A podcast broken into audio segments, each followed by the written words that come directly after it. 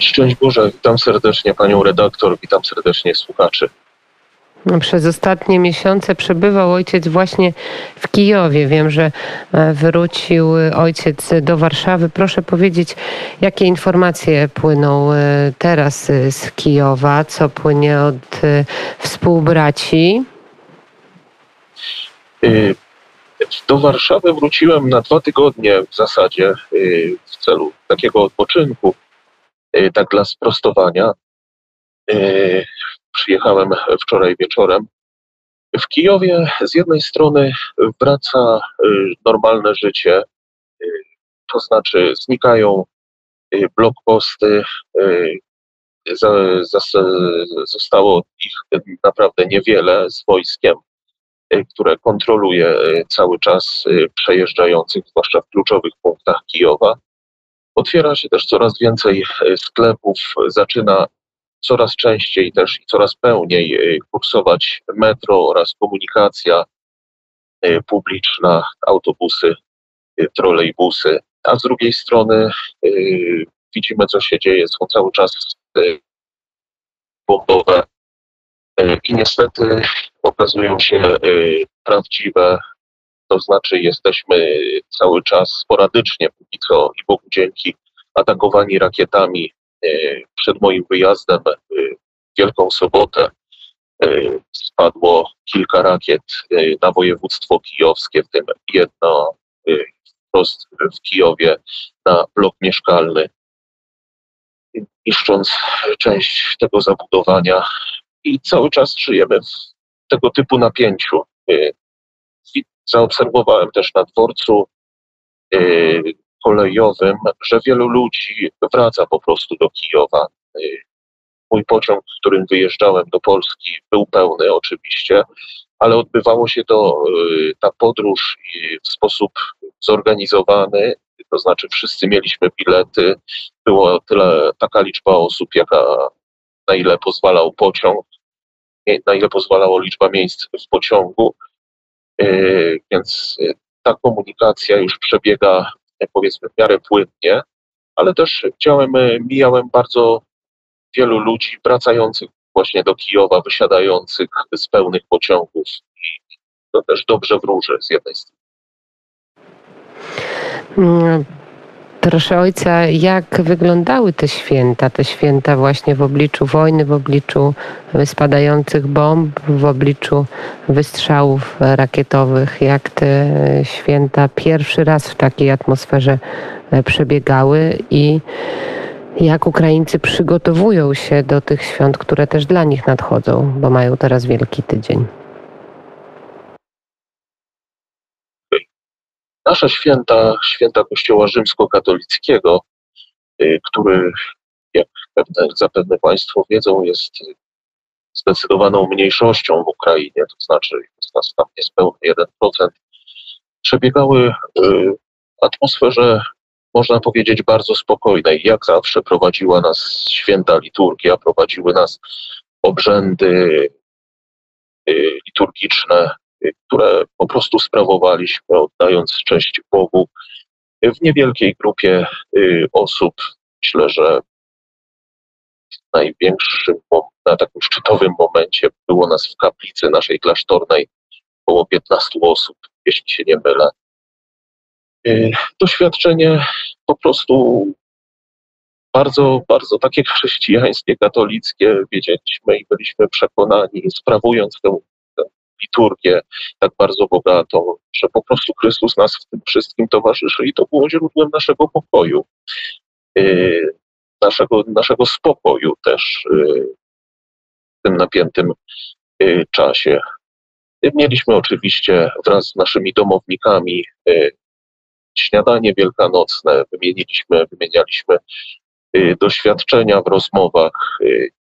W tym czasie mieszka u nas jedna rodzina z województwa zaporowskiego, gdzie Zaporoża, gdzie, gdzie toczą się y, walki. Y, przyjechało też trzech uchodźców y, z, Donieckiej, z Donieckiego województwa, opowiadając właśnie nam o tym, jak ich wioskach oraz w sąsiednich wioskach po prostu spadały rakiety. Jak widziały, widzieli oni spadające rakiety, które wybuchają i to był dla nich jakby jasny znak, że trzeba się wycofywać z tamtego terenu i trzeba pozwolić po prostu wojsku, y, na ile to możliwe, oswobodzić ten teren y, spod okupacji rosyjskiej.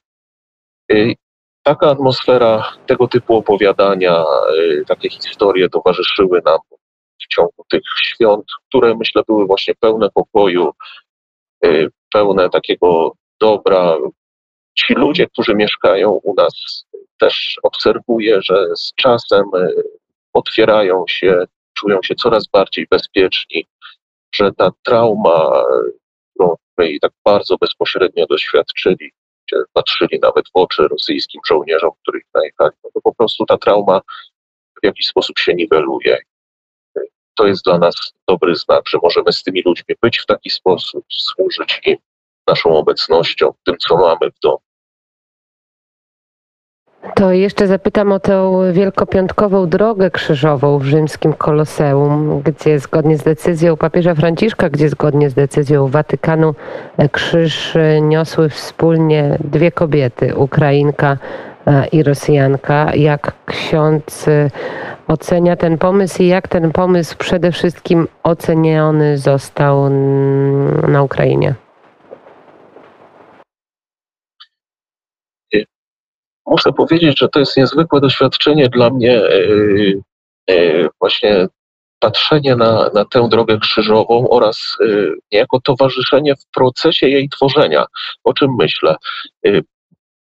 Dzień w środę bądź we wtorek, wielki, wielki wtorek bądź wielką środę, nie pamiętam już w tym momencie, odwiedził nas kardynał Krajewski, który, nasz klasztor dominikański, który akurat przyjechał osobiście y, do Kijowa y, karetką wypełnioną lekami.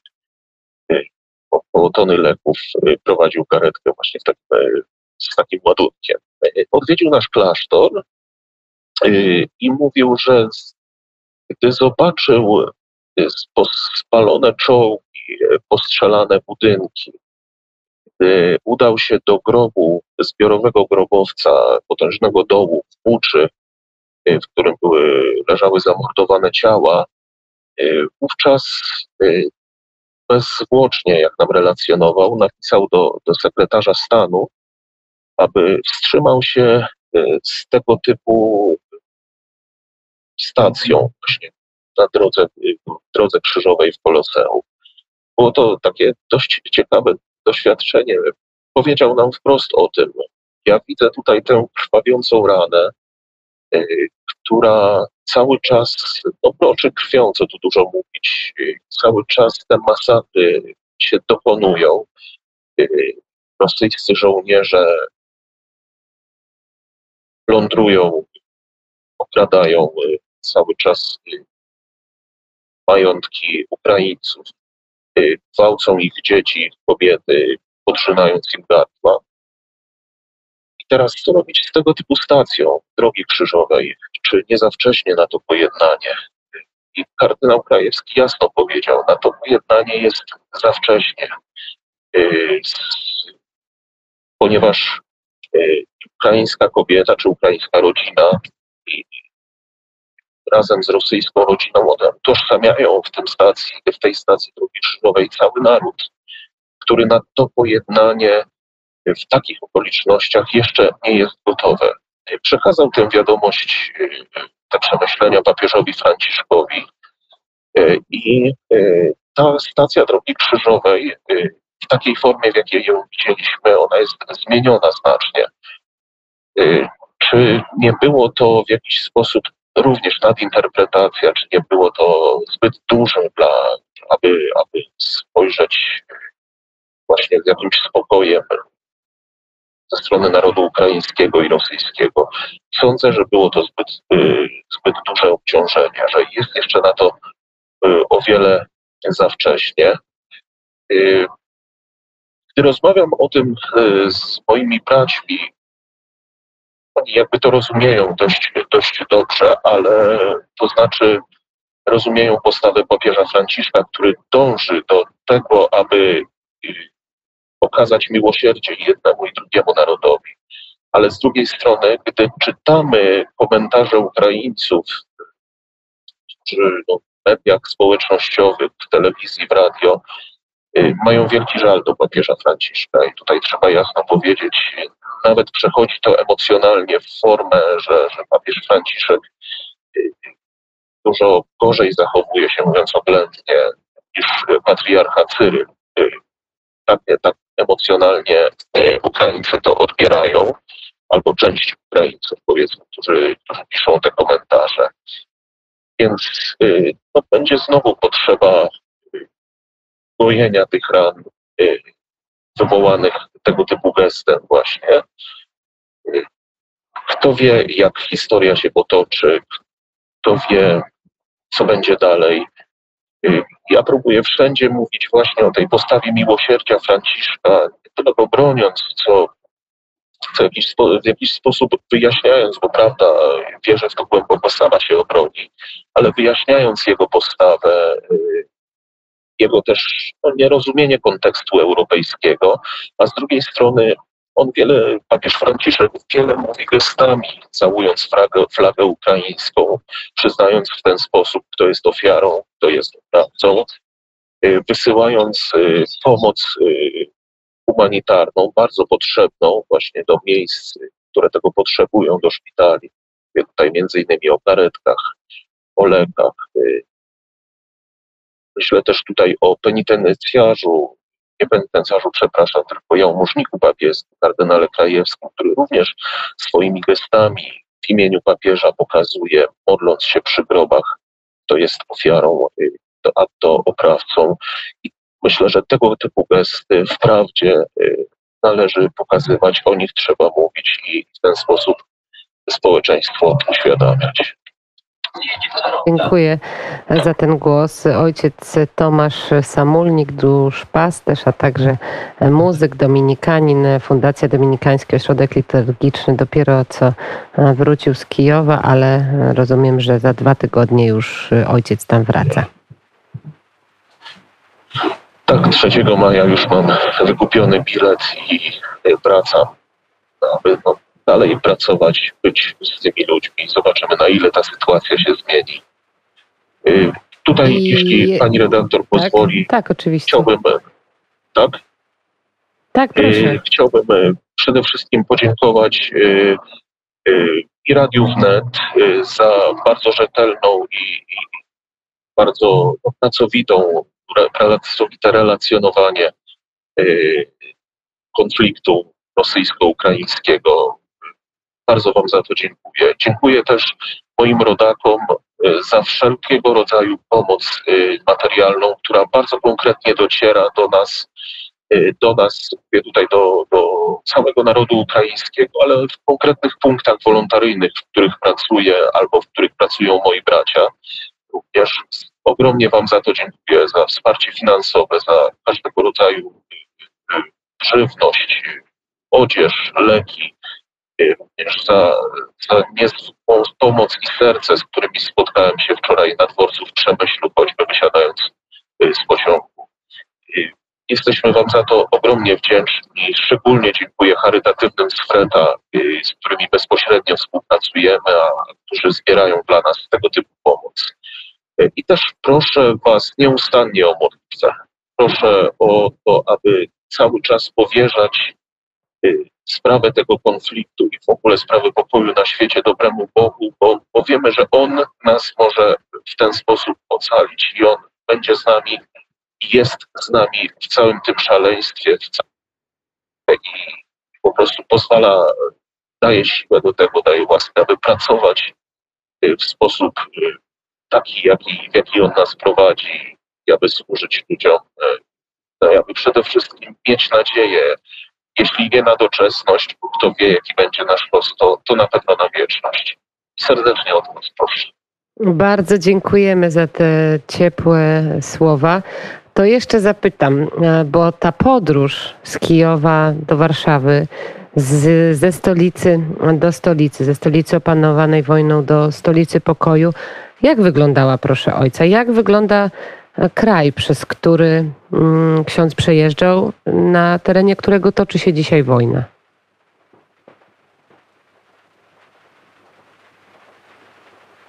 Halo? Czy, czy ojciec Tomasz Samulnik nas jeszcze słyszy? Chciałam się zapytać jeszcze, jak wyglądała trasa, jak wyglądała droga, proszę ojca, ze stolicy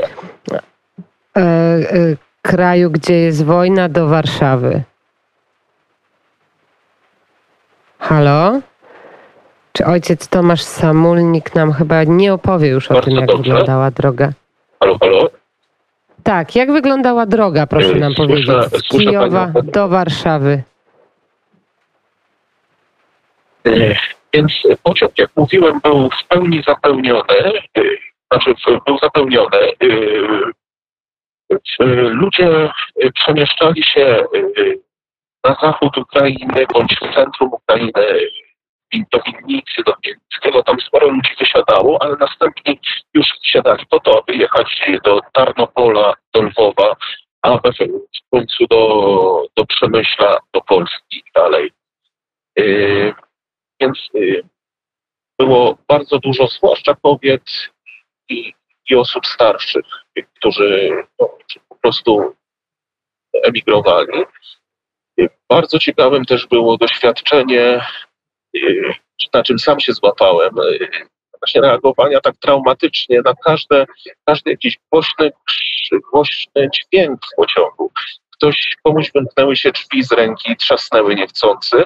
Wszyscy myśleliśmy, że to są strzały i wszyscy patrzyliśmy po sobie i byliśmy ogromnie spięci. To dopiero mogłem zobaczyć właśnie w takiej większej społeczności, yy, jak yy, ta wojna na nas działa psychologicznie.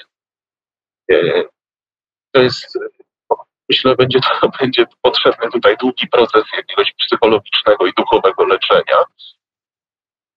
Co więcej, jechaliśmy dosyć spokojnie, około 14 godzin z Kijowa do, Czy, czy, do y, Przemyśla. czy osoby pod, podróżujące, proszę księdza, e, opowiadały o tym, co widziały y, podczas wojny? Czy były milczące, czy dzieliły się jednak swoimi przeżyciami? Ja osobiście y, nie słyszałem jakichś takich, jakichś takich rozmów bezpośrednio o wojnie. Chyba ludzie chcą o tym zapomnieć. Wiele było milczenia. Jednakże miałem y, okazję siedzieć z panią doktor, która jechała również, y, z panią lekarz medycyny, która jechała również do, do Przemyśla, a później dalej do swojego męża, który obecnie jest w Grecji.